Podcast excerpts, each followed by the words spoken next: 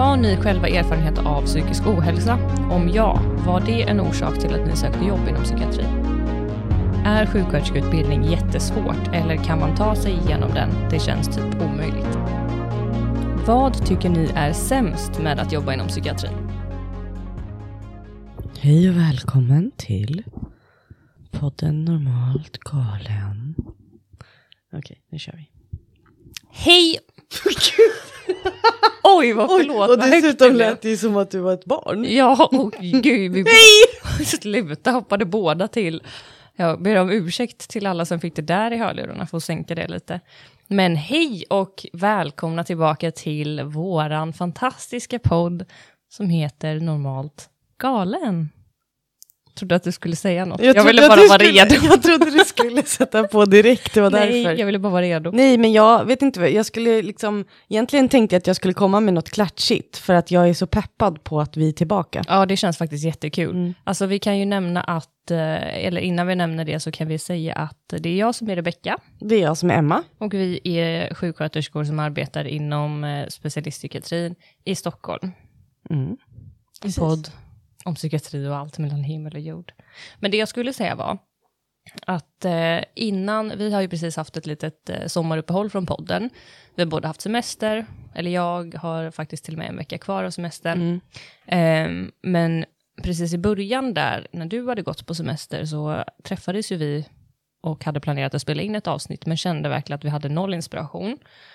Och det slutade med att vi bara sket i det, för att vi resonerade som så att hellre inget avsnitt än ett dåligt avsnitt. Ja, precis. Och jag tror i efterhand att det faktiskt var bra. Jag tror det också.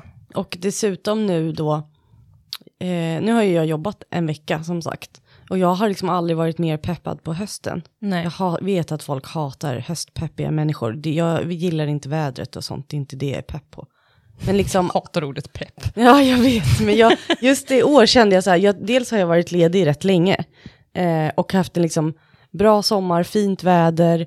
ehm, mina barn har blivit större, vilket gör att så här, ja, men man behöver inte klocka hela tiden vad man ska göra hit och dit. Jag trodde med att de hade blivit större under semestern. Jag tänker bara att de blir antagligen större Nej, för varje ja, dag som nej. går.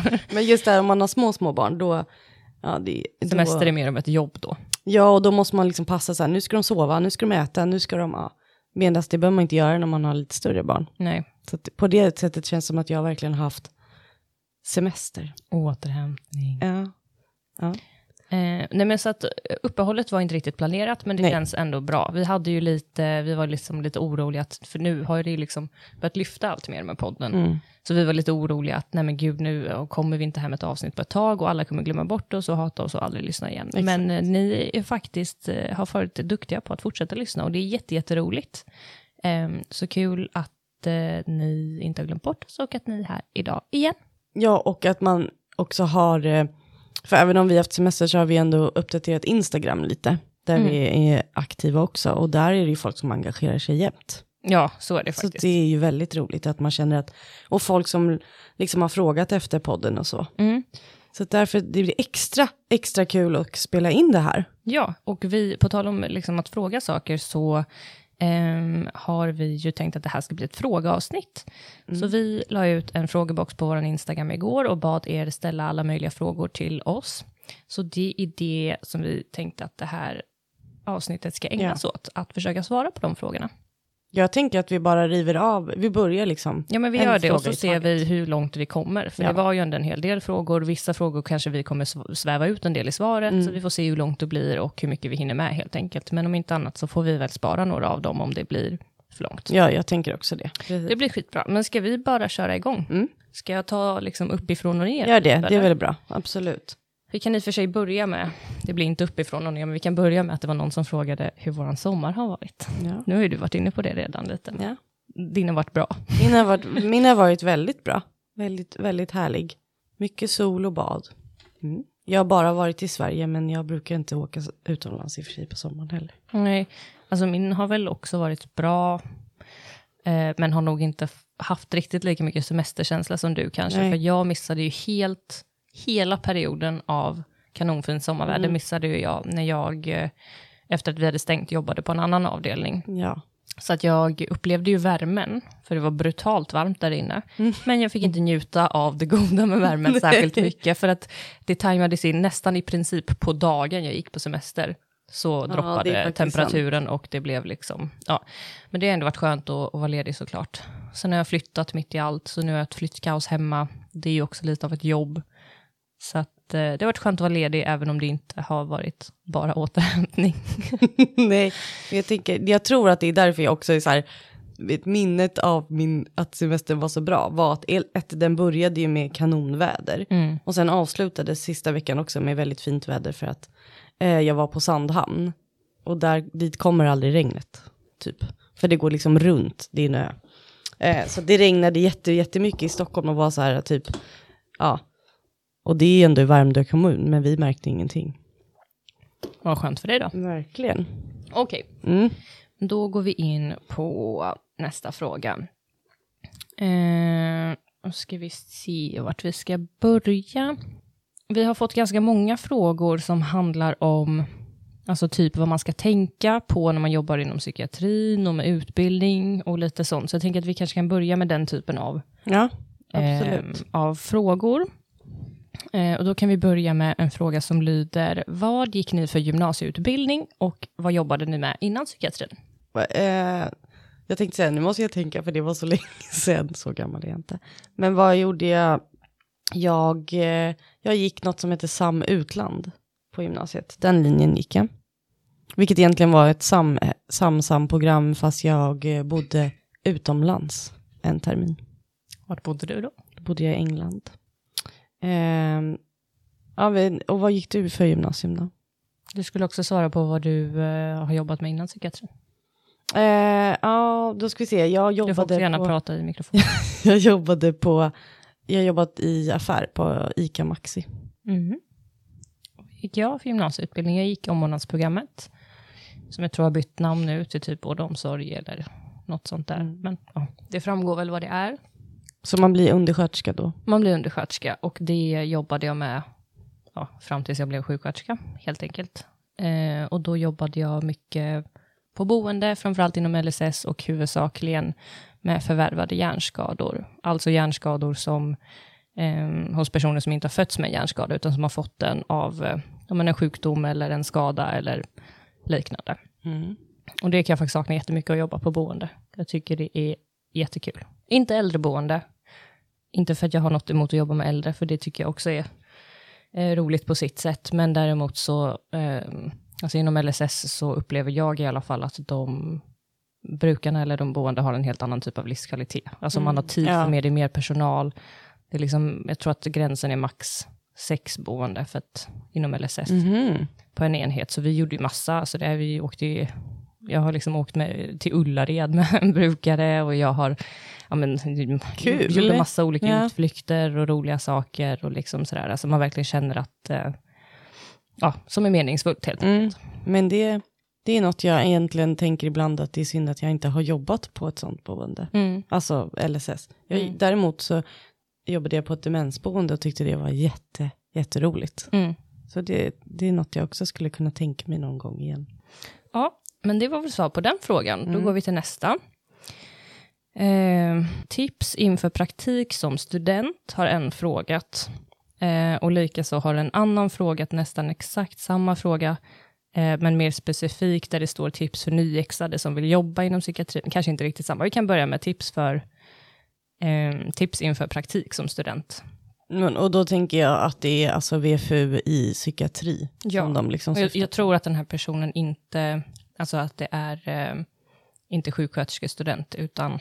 Okej. Men Mm. det framgår inte, men jag tror det. Ja. Jag uppfattar Ja. det så i alla fall. ja. Vill du börja då? Eftersom jag alltid börjar. Det känns ju jättetråkigt. Gör du? Jag kände att jag pratade så mycket. Mm, nej, men jag kan, jag kan köra. Mm. Ehm, vad man ska tänka på. Men jag vet inte, jag tror, alltså generellt det, det man möter med många studenter är väl att många är eh, typ rädda innan de kommer till sin praktik.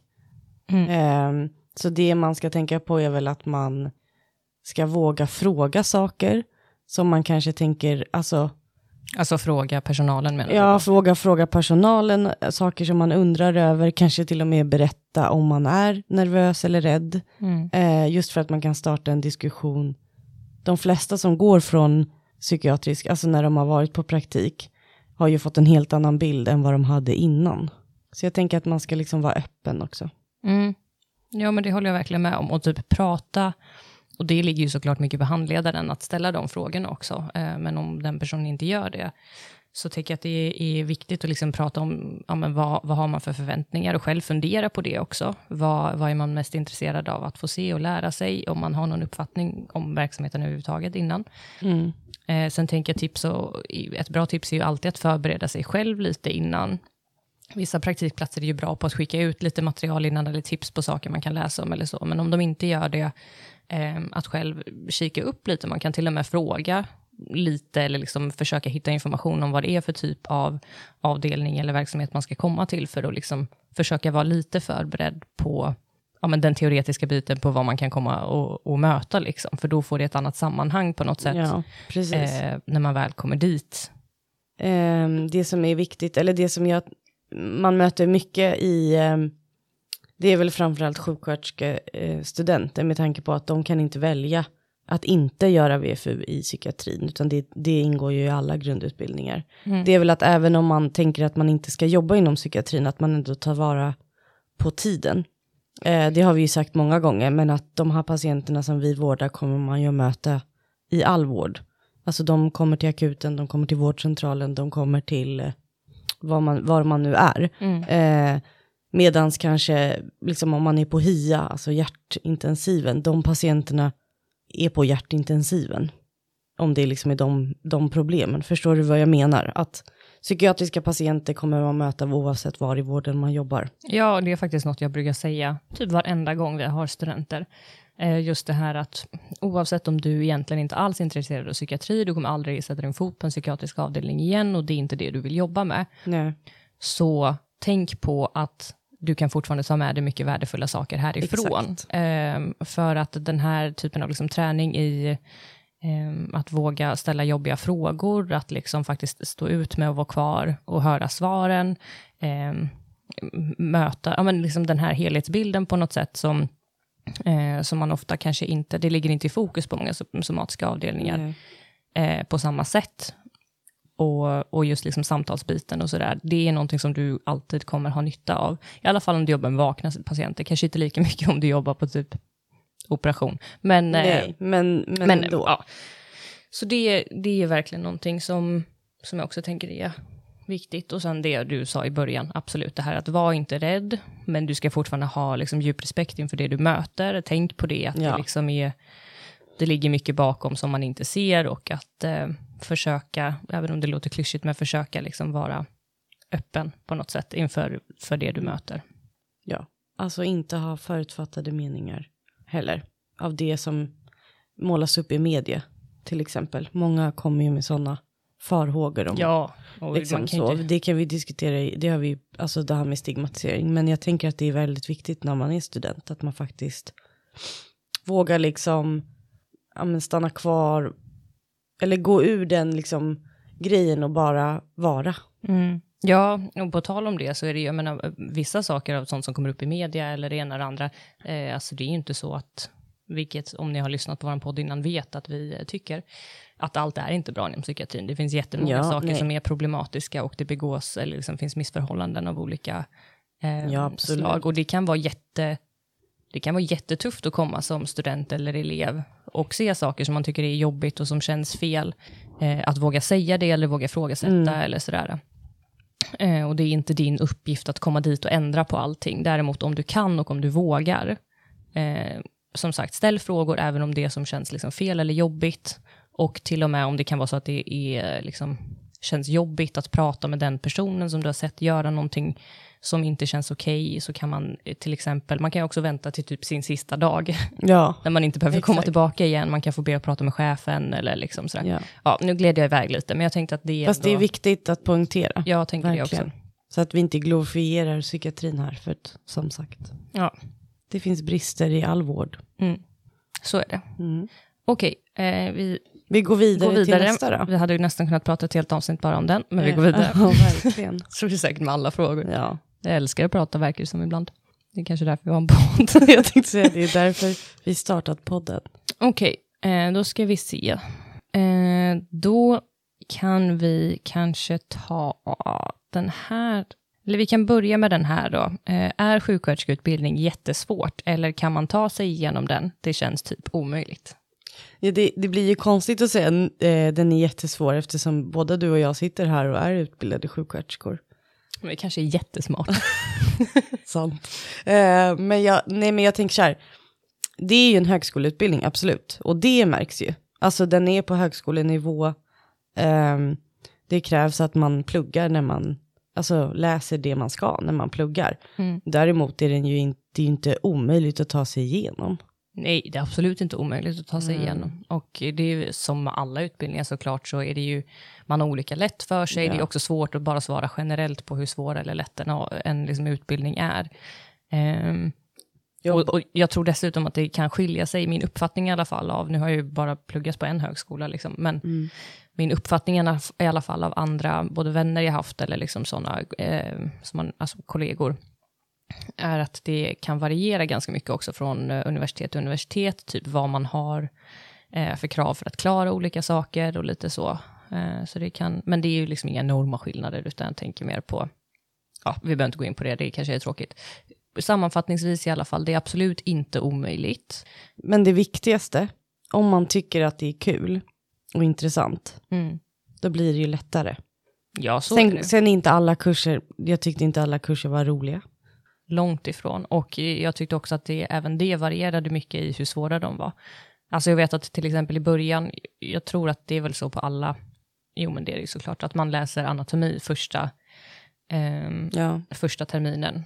Och den kursen var, eh, i alla fall när jag läste den, var skitsvår, för att man skulle kunna jättemycket och den var upplagd på ett sånt sätt där du liksom, du behövde verkligen plugga typ allting i detalj, Ja. för du visste inte vad som kom och du Exakt. behövde ha, det var liksom bara essäfrågor, du behövde ha tillräckligt, alltså ja, det var svårt helt enkelt. Och där eh, hade liksom hela utbildningen varit på den nivån, så hade det ju varit eh, en mycket svårare utbildning i min mening, för jag tycker inte att alla kurser var så svåra. Men det jag vill komma fram till efter allt det här babblandet, är att jag tyckte också att det var så roligt.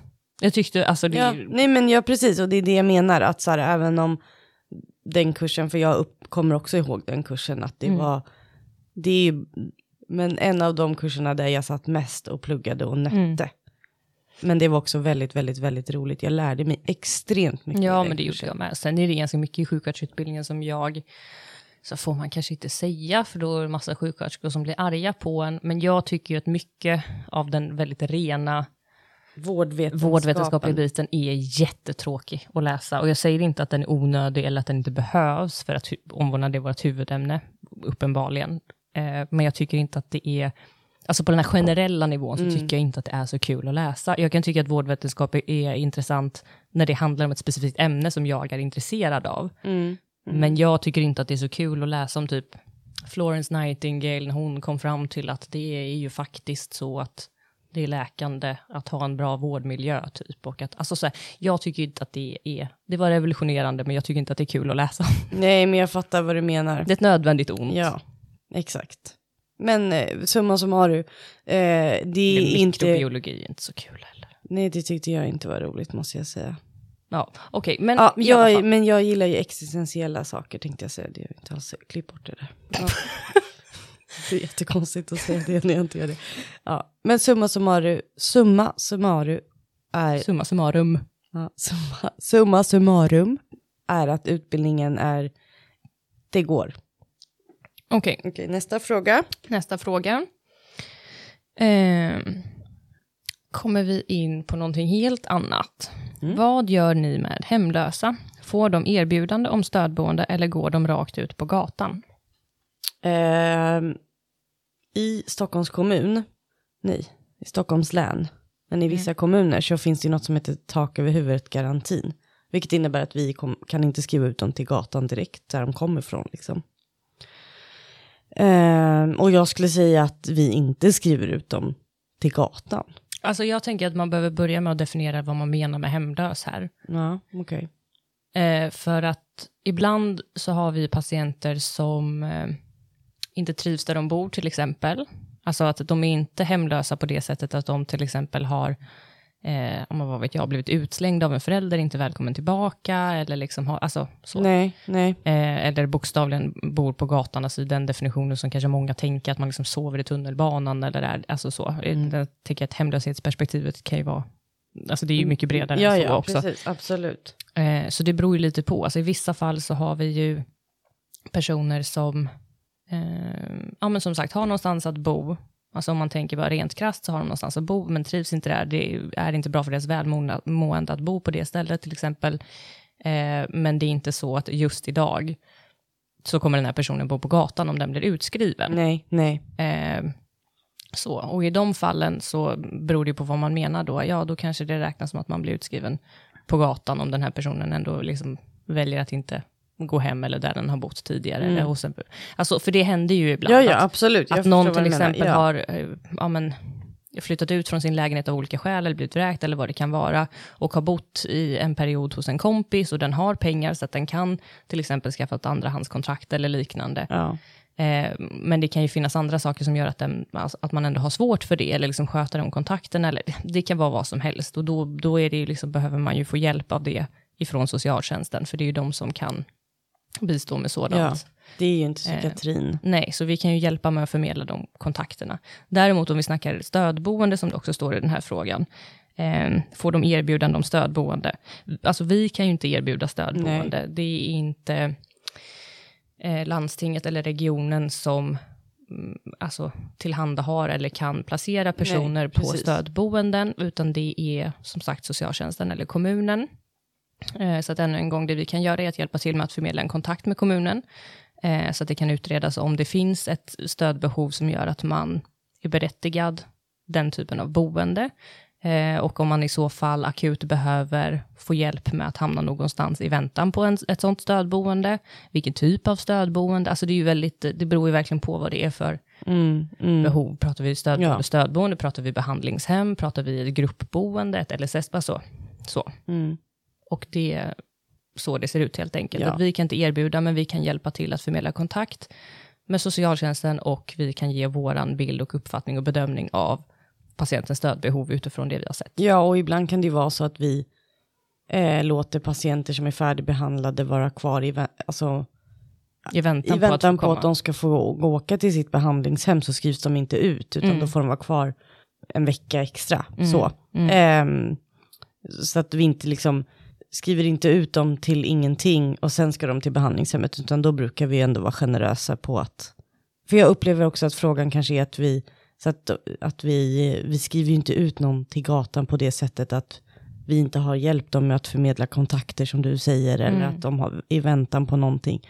Däremot så, ehm, så är det ju så i Sverige att har man till exempel inget boende, eller i alla fall i Stockholm är det ju så, om man inte har ett boende men man får eh, eh, hjälp av socialtjänsten så är det ju inte säkert att man får en lägenhet, utan det kan ju Mm. vara att man får pengar att bo på vandrarhem till Mm. exempel. Exakt, så ser om det inte är så ut. att man har ett, om det är framförallt är det sociala och inte Ja. ett stödboende, Exakt. alltså av mer psykiatrisk, eh, alltså att det är det psykiatriska som man behöver hjälp med. Och därav kanske inte behöver den typen av stödboende, men, men behöver hjälp för att man inte har någonstans att bo. Så det är ju också en, och det kan ju folk uppleva som att det är att man är hemlös, men Mm. I vår mening är det ju ändå att man har ett tak över huvudet då, för att man har pengar till att eh, vara på ett vandrarhem.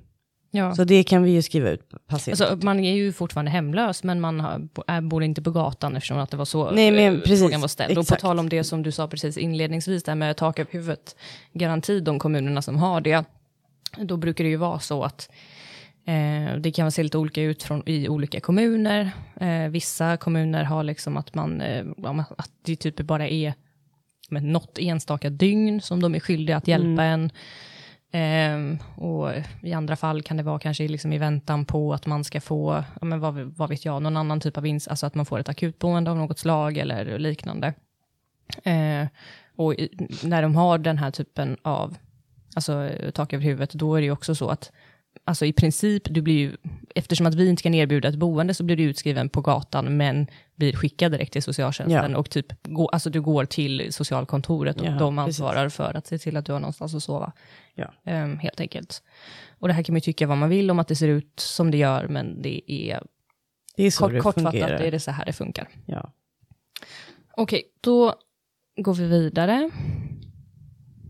Gud, måste jag hålla på och flåsa i mikrofonen? Jag tänkte också att jag gjorde det, men jag undrade om det var att jag var ovan, så att jag bara inte tänkte på det.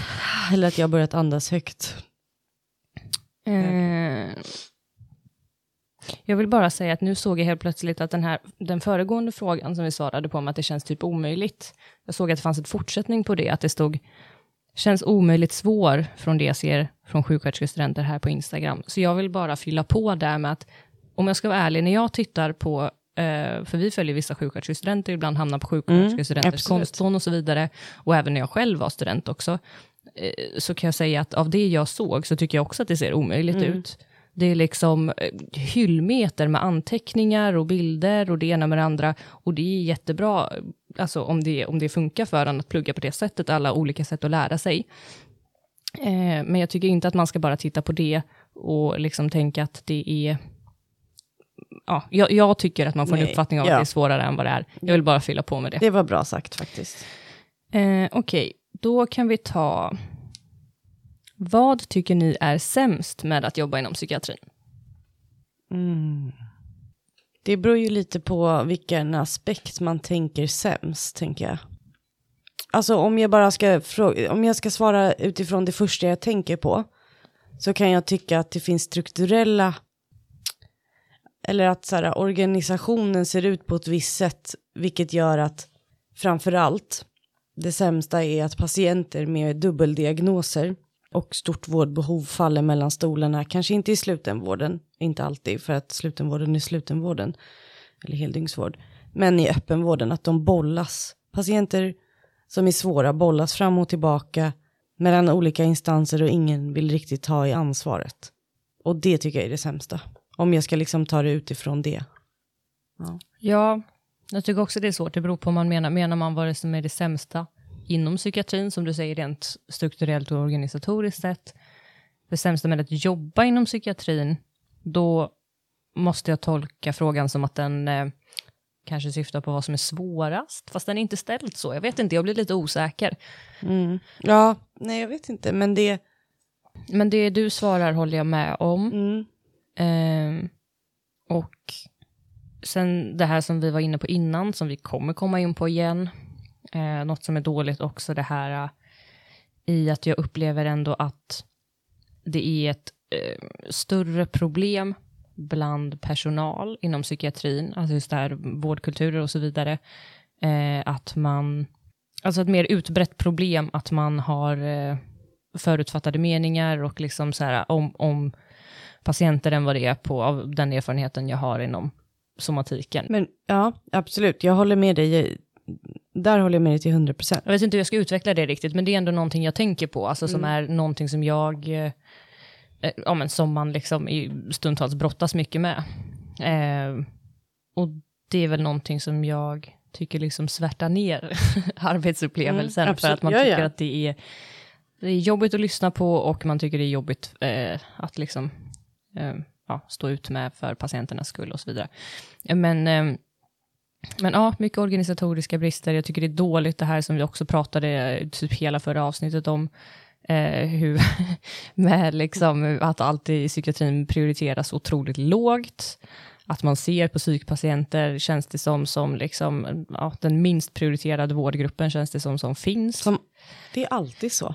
Och följaktligen också som personal upplever jag också att det är liksom att man prioriteras ganska dåligt. Man jobbar inom psykiatrin och allt det här med fördomar, alltså ah, allt det där. Liksom. Ja, det har vi, och det har vi ju pratat mycket om i avsnitt innan, Mm. det här med stigmatisering inom vården. Mm. I att vi, att jag har ju, alltså det har ju du också, att vi blir bemötta ibland som så här, är vi riktiga sjuksköterskor om vi Mm. jobbar inom psykiatrin? Och sådär, och det kan jag ju, det är ju en av de sämsta grejerna Mm. ändå, att man måste hävda sig på något sätt i att bli, men jag vet inte, att det är så här, man ska vara extra eh, duktig på allt egentligen då som Mm. sjuksköterska om du jobbar inom psykiatrin, eller förstår du? Ja, det är Alltså, ju ingen som höjer på ögonen om man inte kan något om psykiatri när man är eh, sjuksköterska inom somatiken. Men om jag däremot inte skulle kunna, jag kommer inte på något bra nu bara för det, men eh, eh, Ja, någonting ja, något så här simp, eller liksom som kanske inte är simpelt, men om man jobbar med just den specialiteten, då lär Vår man sig kunskap upplevs ofta vara mycket mindre värd. Ja. Och det är någonting som är skit. skit. Okej.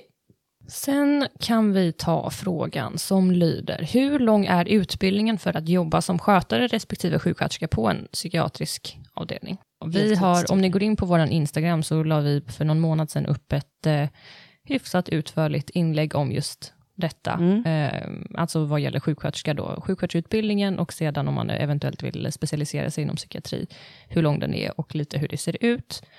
Eh, så det kan gå in och läsa om där. Eh, normalt galen understreck podcast heter vi på Instagram. Men sammanfattningsvis, ja, tre år i sjuksköterskeutbildningen. Eh, och du behöver ingen, det är inget krav att vara specialistutbildad för att jobba inom psykiatrin. Så tre år helt enkelt. Ja. Men ytterligare ett år om du vill specialisera dig. Mm. Eh, skötare, Ja, jag satt och funderade, men jag tror att det är tre terminer som undersköterska. Alltså, vad jag vet så är det väl lite olika eftersom att det inte är en... åh, jag kommer inte på ordet. Det är Inte, väl inte standardiserad, men ja, att den utbildningen är ju inte en, eh, en högskoleutbildning, vilket innebär att den kan se ganska ordentligt annorlunda ut Ja. beroende på vilket lärosäte man läser vid, alltså folkhögskola eller, Exakt. eller så. Så det varierar lite, men ja, att man Mellan kan... Nej, men två alltså, till man tre kan läsa terminer, på, eller? Ja, exakt. På, på ett år kan man ju läsa också. Så Mm. två till tre terminer. Ehm, och då tror jag att det brukar, i de flesta fall i alla fall, ta det här med en nypa salt. Men jag tror att det i flesta fall är så att det eh, är att man läser någon slags gemensam grund. Ja, och sen brukar Och sen man få välja till. psykiatri eller akutsjukvård, typ. Ja, men exakt. Eh, Så. Något sånt. Mm. Men vi är inte 100% proffs på det där. Nej. Jag vet i alla fall när jag läste på gymnasiet, då eh, fick man ju läsa, tredje året så fick man välja inriktning.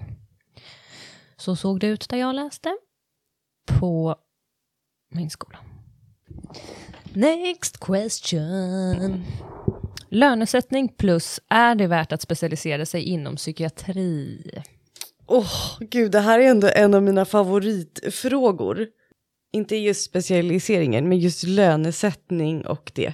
Alltså ni ska se hur, liksom, nu ska jag säga peppad igen, hur peppad Emma blev. Nu sitter hon och sträcker upp händerna mot taket och har ett brett leende Ja, men, nej, men dels är det för att den här diskussionen alltid är brinnande hos mig. Även om inte alla vill lyssna. Nej. Eh, men ett, okej, så här.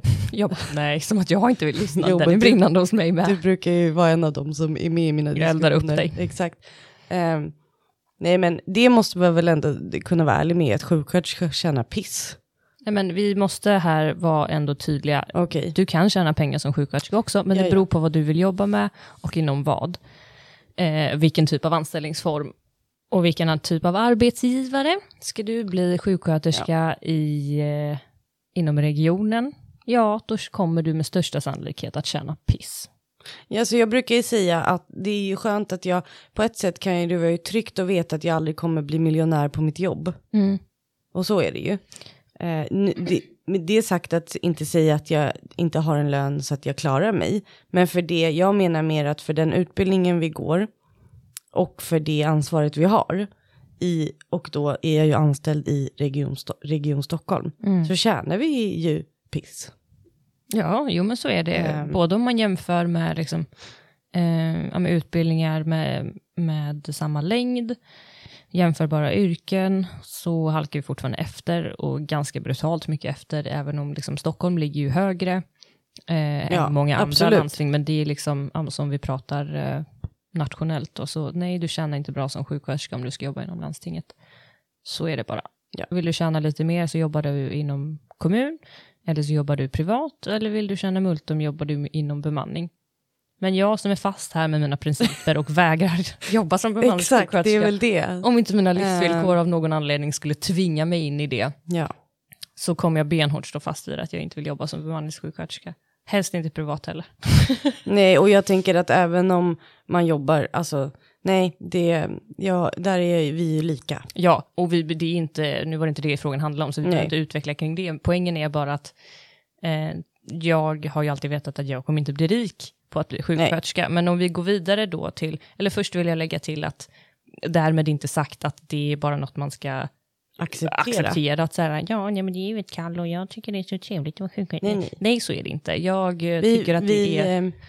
eh, både du och jag är väldigt duktiga på att driva frågan Ja, exakt. eh, och föra diskussioner. Men, Men därmed sagt, den andra delen av frågan, ja, eh, om det är värt, Värt. att specialisera sig inom psykiatri Mm. då. Jag vill säga ett, att det är värt fortfarande att bli sjuksköterska. Ja. Det är någonting som du eh, eh, ja, men är intresserad av helt enkelt. Det finns alltid sätt som sagt.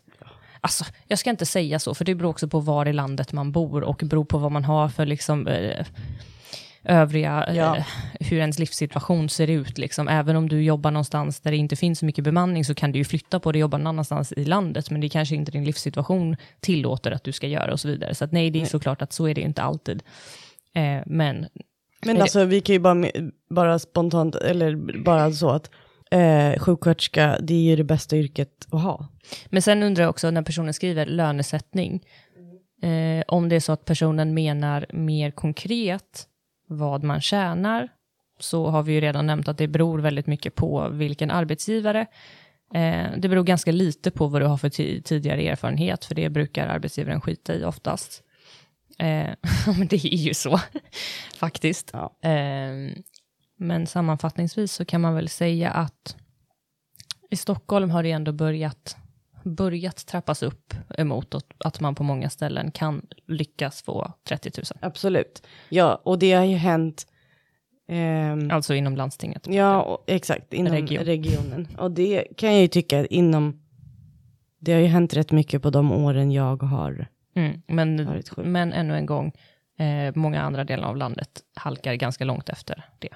Så att, ja, är det värt att specialisera sig? Vad tycker du?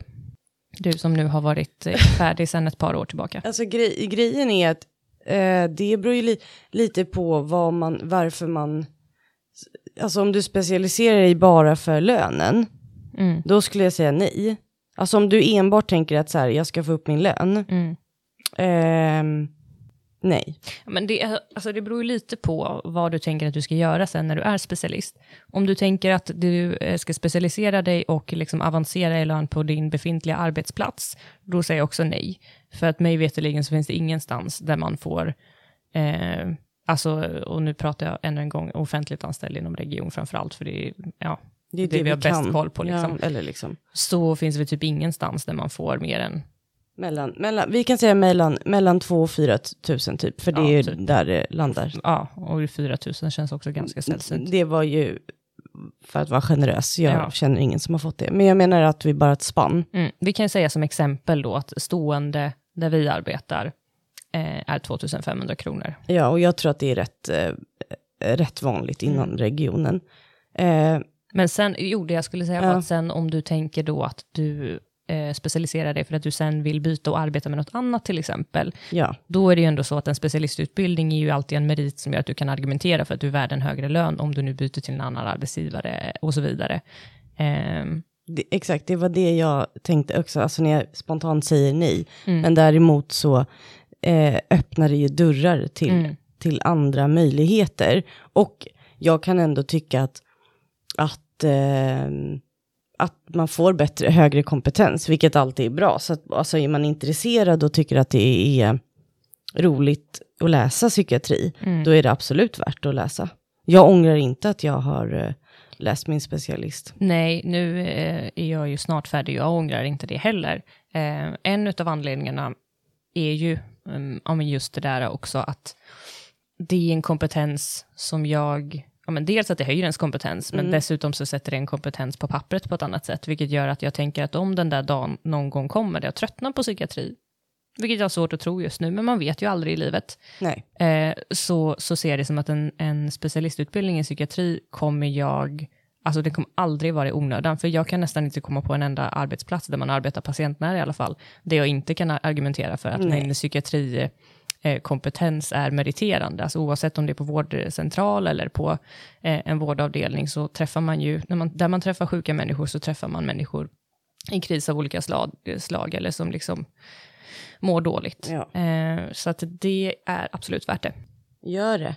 Gjort bara. Jag tänker också att ju fler som, som specialiserar sig inom psykiatrin, eh, desto bättre förhoppningsvis eh, status får psykiatrisjuksköterskor, vilket också blir, alltså förstår du, det leder till att ja, stigmatiseringen förhoppningsvis inom vården minskar. Mycket sånt tänker jag. Bra slutord. Har ni själva erfarenheter av psykisk ohälsa? Om ja, var det en orsak till att ni sökte jobb inom psykiatrin? Alltså den här frågan har vi ju fått några gånger nu och vi har ju svarat typ samma sak varje gång, att vi inte, just det kommer vi, går, vi, går vi inte in på. Nej, inte Eh, detaljerat fall. detaljerat, men däremot så kan, kan jag säga att jag har själv inga personliga, alltså mig själv som Mm. erfarenhet. Däremot folk runt omkring mig. Så kan jag Ja. säga. Och jag kan väl svara i alla fall på del två av frågan. Eh, var det därför ni valde att arbeta inom psykiatrin? Så svarar jag både ja och nej. Mitt spontana svar är nej, för det var inte, Mitt med. Det var inte så att jag... Eh, nej, det var det inte. Men däremot så tror jag att det kanske är, och nu pratar jag inte bara utifrån mig själv, utan min upplevelse är i alla fall att bland ganska många som arbetar inom psykiatrin, så upptäcker man eh, längs vägens gång ofta att ja, men många har någon form av koppling, Mm. eh, antingen själv eller någon i sin närhet, eller liksom någonting som gör att man kanske har dragits åt det hållet, även om det inte var ett medvetet, liksom, en medveten och avgörande orsak. Liksom. Det kan ju också bara vara en slump, och det kan också bara vara jag som har fått för mig det. Eh, det vet jag ju inte, men, men, eh, Jag håller med faktiskt. men spontana svaret i alla fall, nej, det var inte därför jag valde att arbeta inom psykiatrin. Nej, och det är mitt också. Det var inte därför. Det var att jag fastnade på min VFU. Jag skulle inte ens jobba i psykiatri egentligen. Ja, vad skulle du göra? Det har jag glömt. Eh, jag, eller ja, Det visste du inte kanske? nej, men det var ju det att jag, jag eh, det var inte främmande när jag började sjuksköterskeutbildningen att, att jag kanske skulle jobba inom psykiatrin, men jag, jag var inte fast besluten vid att så här, det är bara det jag ska göra. Nej. Jag tyckte allt var kul, Mm. typ utom vårdcentral. Kanske du ska klippa. Nej, jag kommer inte klippa bort det. Jag, jag håller med. Men det är bra att man är olika. Det finns ju, Verkligen. vi Mm. träffar ju ofta studenter som tycker att det var typ det roligaste de har gjort. Jag tänker bara, eller jag brukar säga det, gud vilken tur att vi är olika. Mm. Ehm, får man med sig en bra grund från utbildningen för att kunna göra ett bra jobb sen? Ehm, Alltså, det, Alltså, du men, då tänker jag i psykiatrin, om man från grundutbildningen i sjuksköterskeutbildningen. Är min, min tanke eftersom att det är det vi är. mm, Eh, nej, nej, det är verkligen mitt, jag vet inte. Jag vet alltså, inte jag jag kan liksom inte utveckla det mer i och med att man läser knappt psykiatri, man pratar inte om psykiatri. Nej. Man, nej, nej. Det är några ynka föreläsningar. Eh, det som är om man verkligen själv är, är intresserad så kan man ju säkert få tips på vad och komma på saker som man kan fördjupa sig i och kanske böcker och lite så att man men det är jobbet som man gör själv. Jag Ja. upplever inte att det, man fick en bra grund. Och framförallt inte om man kanske har oturen att få en dålig praktikplats i psykiatri, eh, psykiatriplaceringen. nej. Nej. Om det är så att personen menar skötarutbildningen så kan jag inte svara mer än att vi... Jag tror att både jag och Emma är överens om att det är väldigt, väldigt, väldigt varierande nivå på vad vi upplever att skötareleverna som kommer till oss, eh, vad de har fått lära sig i skolan. Absolut. Alltså på en nivå som inte bara har att, göra med om det här är en duktig person eller inte, utan Nej, där man nej, märker nej. att det här har de inte ens pratat om, de har inte läst om, saker som känns som att de ska vara jättegrundläggande, eh, alltså utbildningar som jag tycker att det typ är så här ramaskri, att man ens får kalla sig Ja. skötare efteråt. Och sen finns det de som är jätteduktiga och där man märker att det är en helt annan nivå på utbildningen. Så vad gäller skötare så skulle jag säga att det är jätte, jätteolika beroende på vart du läser. Absolut. Okej, då går vi vidare. Vad gör man på en dag?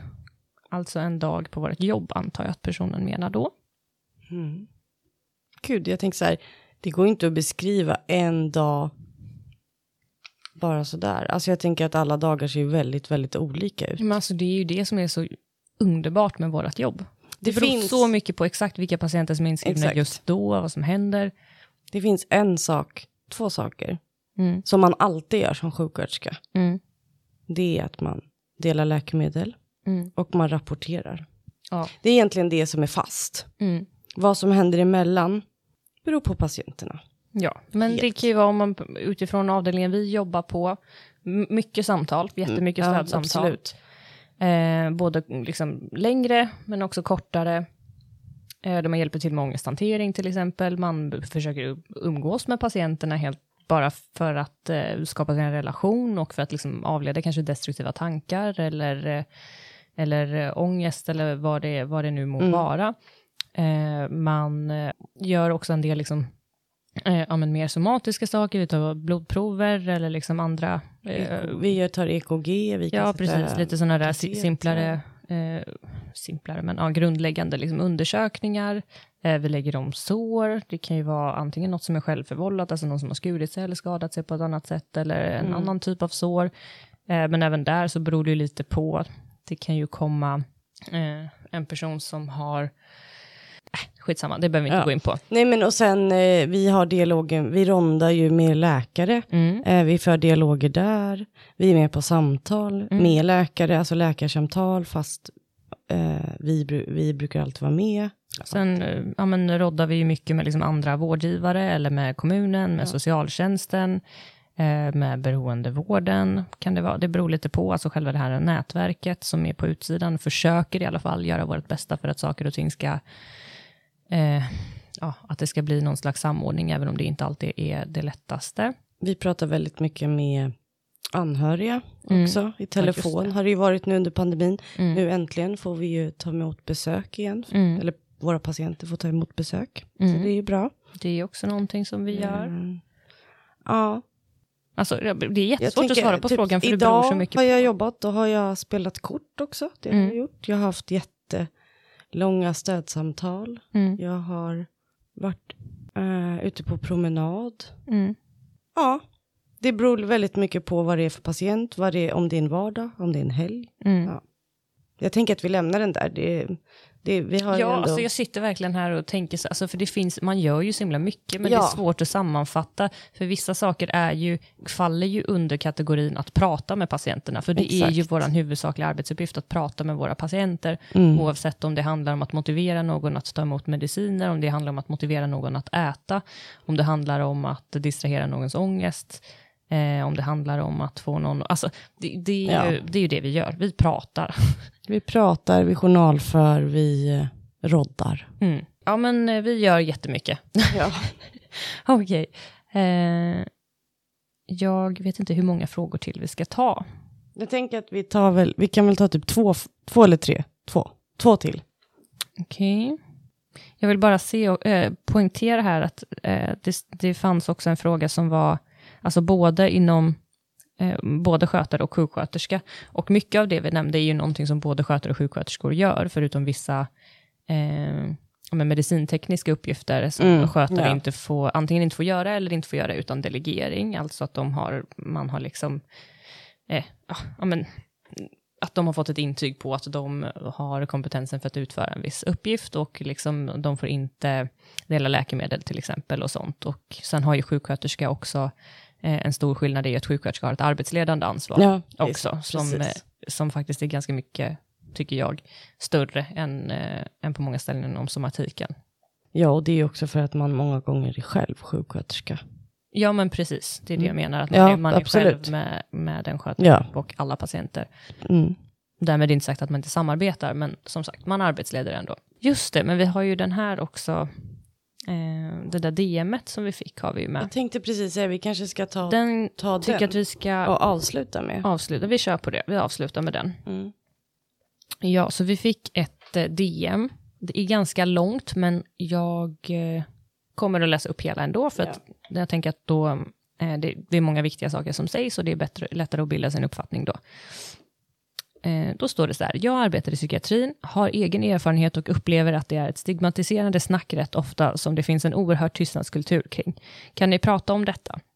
Exempelvis beskriver man patienterna med den är faktiskt väldigt kreativ, inom citationstecken då, eller egentligen ganska kompetent, strulfria, ofta om patient med självskadebeteende, inom parentes, etc. etc. Det är 2021 och denna typen av jargong har jag oräkneliga exempel på från mina tio år som yrkesverksam. Folk sitter mest tysta när detta snack pågår. Hade det varit rasistiska kommentarer hade någon förmodligen sagt något, men det är som att personer med psykisk sjukdom är de minst värderade i samhället. I verkligheten är majoriteten kreativa, mycket intelligenta och så vidare. Hur kan vi bryta detta beteende? Vad gör ni när, sådant, när ni hör sådant snack? Suck och stön från viss personal när någon har blivit inlagd för ja, tusende gången och så vidare.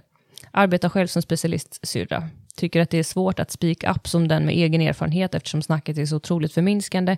Indirekt blir jag ju stigmatiserad. Finns ett visst sätt att prata även om patienter i psykiatrin som själva vill bli läkare, sjuksköterskor etc.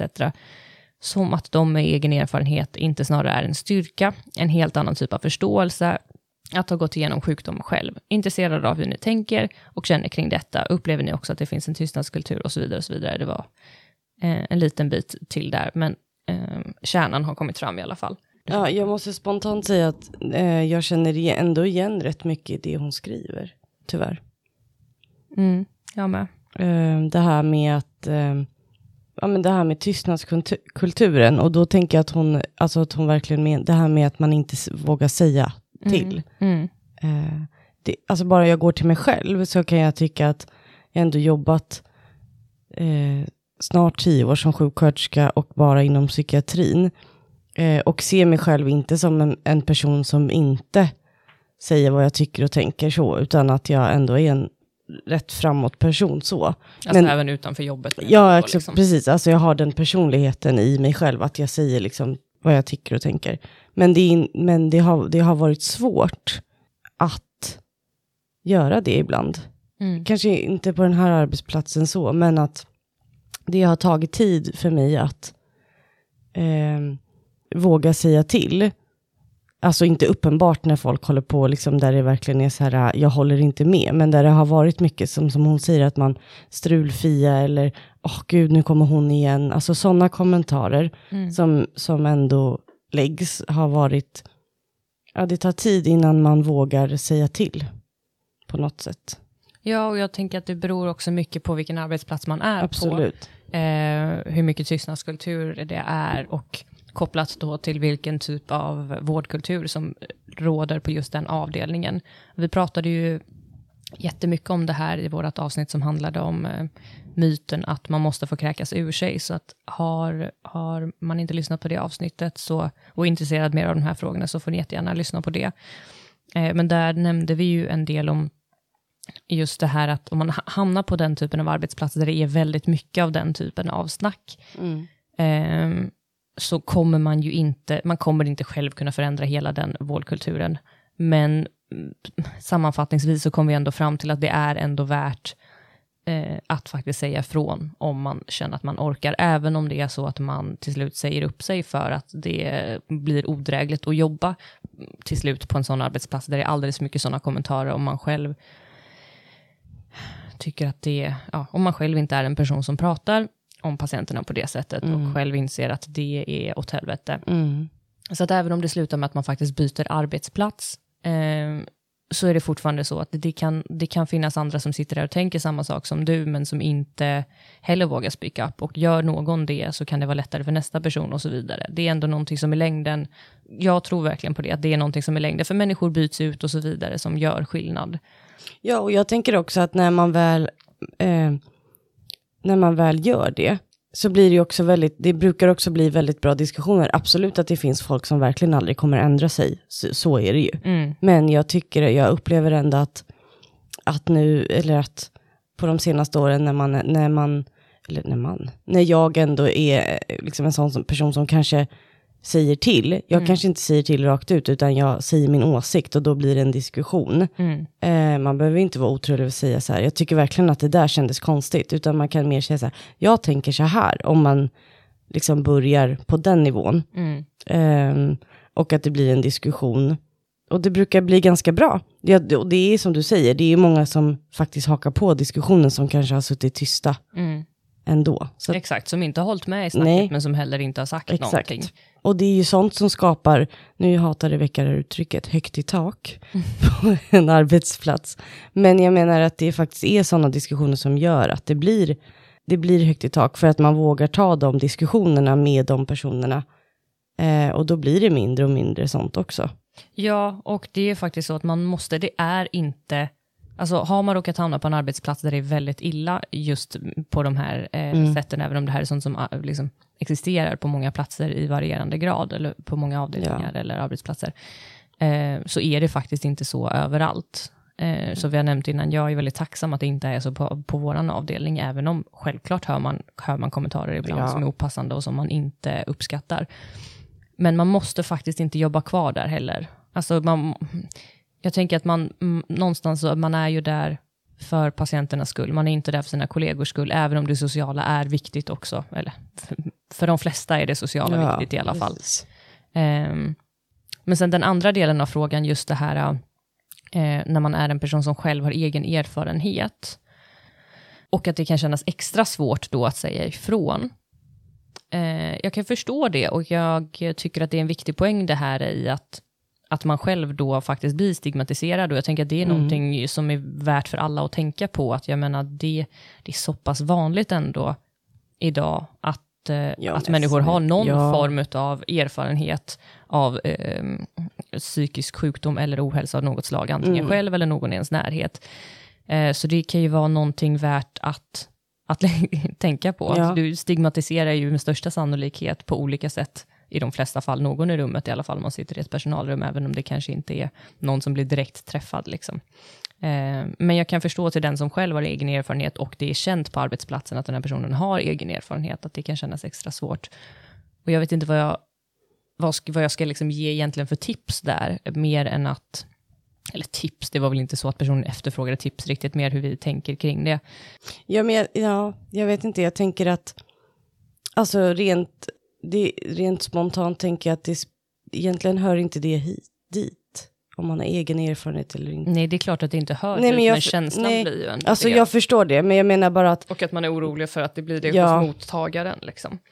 Men jag, alltså jag upplever ändå oftast att när man säger ifrån på ett sätt där man faktiskt... Alltså jag tycker att med åren så blir jag i alla fall allt tryggare med att Alltså det jag känner och det jag står för nu, det är exakt samma sak som min första dag som sjuksköterska, men jag blir allt mer liksom tryggare i att jag vet, i många fall just när det kommer till sånt här, jag vet att jag har rätt. Ja. Eh, och jag har mycket stöd för det, det är inte bara min liksom, i början var det kanske mer av, även om jag hade läst en del på, på egen hand innan, så är det såklart mycket mer nu, alltså även om man räknar bort själva erfarenheten av man får av att jobba, men sen så läser man ju mycket forskning och så vidare, beroende på vad det handlar om då. Eh, där man ändå har faktiskt liksom fasta konkreta saker att hänvisa till. Även om man kommer inte kunna ändra alla eh, och vissa kommer aldrig, liksom, de spelar ingen roll vad du säger, du kommer inte övertyga dem ändå, men det kommer ändå kännas bra att man säger ifrån. Eh, jag, alltså, jag upplever det i alla jag fall. Tycker, det håller jag med om. Jag tänker att eh, du kommer absolut inte kunna ändra alla. Nej. Eh, du kommer inte kunna, som Rebecka säger, att du kommer inte kunna ändra en vård, alltså en, en dålig vårdkultur kan inte en person själv ändra. Men däremot så kommer man eh, känna sig... Det känns bra att man gör sin det, lilla det del. Känns, jag känner mig som en bättre person gentemot mig själv och gentemot patienterna, mm. därför att det är ändå för patienterna jag jobbar. Ja, men det är det jag eh, menar. Att, Även och, om jag orkar inte heller tio av tio nej. gånger. Men, nej, nej. men, men ganska ofta ändå, men, när jag väl gör det ja. så känns det bra. Till och med i de fallen där jag vet att den här, det var inte jättelänge sedan tidigare i somras som det var en, en person som jag röt ifrån mot som beskrev en patient som manipulativ, att den hade missbruksbeteende och så vidare. Eh, för det första var kommentaren helt missriktad överhuvudtaget, men dessutom så är det ett fullständigt oacceptabelt eh, liksom, ja. sätt att prata om, om sina patienter på. Varpå jag sa till väldigt strängt. Eh, och jag vet både innan och jag vet efter att det här är en person som kommer ta till sig absolut noll av det. Men hen hade inte ett enda ord att säga efteråt. Det blev tyst och sen fortsatte rapporten. Ja. Och det kändes väldigt, väldigt Exakt. bra. Och jag eh. tänker att det var andra i rummet som höll med dig. Det det. Liksom, som också kanske det och fick en tankeställare i att, ja ah, just det, det är faktiskt För, inte okej okay att säga så. Nej. Och, och, och nästa det, gång kanske den personen vågar säga det. Ja, precis, för det har jag faktiskt varit med om. Faktiskt dels den gången, men även tidigare, att man sen har fått en kommentar av någon annan som, gud vad bra att du sa ja. någonting. Eller liksom, alltså. Ja, precis. Eh, så att alla de där som, ja, nej men, alltså, för, försök att vara den som tar steget ändå. Mm. Oavsett, jag tänker också att. Eh, Ja, och om man, om man absolut inte vill det, eller känner att man kan, mm, det är ju chefens ansvar. Mm, Alltså att man kan gå till, gå till, gå till sin chef. ja, det är inte alltid det hjälper i praktiken, men, Nej, men- absolut. Det, Det är viktigt att komma ihåg i alla fall. ja, jag tänker att om fler gör det. Mm, jo, Alltså absolut, så. så. är det ju. Ja, men Och vi, är du chef så är det extremt viktigt att sätta ner foten. Tänk. du sitter hemma och hytter med fingret. Ja, men för att jag tänker ibland att, att som chef eh, är det ju viktigt att man, att man föregår med gott exempel i just sådana situationer. Mm. Är extra viktigt att man kanske är den som först säger ifrån. Ja, Och det har ju jag fått på fötterna när jag nu har jobbat som det något, några år. Att Mm. jag nu också är rätt snabb med att säga att det är inte okej. mm. Så, ja. En sista sak vill jag också säga, att ibland så behöver man inte ha ett stort, alltså oavsett om det är så att man är liksom så här rädd för liksom självstigma och så vidare, det här är eh, på grund av egen erfarenhet, eller om man bara tycker att det är svårt att vara den som sätter ner foten eller säger ifrån. Det behöver inte alltid vara en stor föreläsning, uppläxning, eh, en liksom lång harang, utan ibland kan man bara lägga in en subtil kommentar, någonting som som vi använder ganska ofta är, är ju bara det här korta att säga, ja, fast hon är ju också väldigt sjuk. Eller, ja, ja men då, då förstår man att det här är verkligen någon som väldigt, mår väldigt Ja, dåligt. Eller, ja, ja, men du vet, så här, det, är, Det är eh, rätt effektivt. det är ganska effektivt, för att jag Mm. upplever ganska ofta att, eh, att det liksom skapar någon slags social skam hos den andra personen ändå. Jag håller verkligen med. Det är ändå Eh. det, det, det funkar. Ja, jag tycker också att det funkar i de flesta fall. I de flesta fall så håller de i alla fall käften sen, Exakt, just den stunden. precis. Okej, men eh, vi eh, älskar att prata om sånt här, men jag tror att vi sätter stopp där. Jag tänker också det. Det känns ändå skönt. Nu är hästen igång. Det här är så roligt. Ja, så, så roligt. Och jo, vi har ju börjat träna till mental health run. Nej, nu ljög jag. Vi ska anmäla oss idag. Jag bara, ja, Jag vet inte, det där orden flög ur automatiskt i min mun. Jag hade inte ens planerat att säga det där. Ja, Det var som en instinktiv reflex att ljuga om att vi har, börjat, vi har absolut inte börjat träna. vi ska. Vi ska springa det och vi ska anmäla. Det är ändå årets viktigaste lopp. Ja. Det måste vi ändå nämna. Mm. Det kan vara, det är ändå, det är veckans spaning. Att anmäla er till Mental Health Run. Som är den 3 oktober. Ljög jag nu? Vad är det, andra oktober? Nej, Jo, det är andra oktober. Är? Vänta, nu ska jag dubbelkolla. Och nu ni som sitter här och inte, det, för det loppet går liksom, är i Stockholm. Mm. Men i år kan man också springa, anmäla sig till det virtuella loppet, vilket innebär att man kan springa det mellan, nu ska Rebecka ta fram datumen här. Ja, nej, men det, det, jag kollade bara i min almanacka och det är Ja. andra oktober, så jag har Andra inte oktober. resten. Eh, men jag tror att det är den veckan att man kan springa det när som, men att man, eh, eh, Man är liksom med, exakt, och och bidrar. bidrar. även om man inte är på plats. Så att man behöver inte bo i Stockholm för att bidra till, Nej. till det. Ja, vi annonserade inte ens att vi hade gått över till spaning mellan himmel och jord, men det hade vi gjort. Det här Ja. blev spaning nummer ett. Och spaning nummer två, Har jag glömt? nej men det är ju att eh, Ja, just det. det är ju att Ulla-Karin Nyberg sommarpratade i P1. Ja, men jag trodde det var den andra du skulle ta, det var därför jag lät arg. Jaha. Det här var inte arg över, det var Nej, jättebra. ja. Mm. Ja. Men jag sa, ja just det. Ja, jag, jag reflekterar inte. Men eh, den, det var i alla fall nu i veckan så sommarpratade hon. Och hon är ju överläkare i psykiatri och suicidforskare. Och pratade om eh, sin karriär och eh, människor hon mött som eh, vars anhöriga drabbats av självmord eller att de patienterna hon möter som vill ta sitt liv. Ja, Jag kände att så här, fan jag hade det det. kändes verkligen som att du tappade Ja, jag tråden. tappade tråden. Nej, men jag började bara bläddra i mobilen här för att jag ville, Ja. när du säger så här tidigare i veckan, vi vet ju inte än riktigt när det här kommer släppas. Okej, ja men 17 augusti var det i alla fall som hennes, eh, som Ulla-Karin Ulla-Karins sommarprat var, så Mm. det tycker vi att ni ska lyssna på. Den tredje spaningen som jag var arg över, vi stryker den, vi struntar i den, vi låter det här vara ett, ett glatt avsnitt. Ja, jag tänker att vi stannar där, annars Mm. kommer vi börja prata och bli sura. Ja, nej det är sant, vi släpper det. Ehm, jätte, jätte, jättekul att vara tillbaka igen och hoppas att ni lyssnar nästa gång också. Då ses vi då. Hej då! Vi hörs. Vi hörs. Hej då.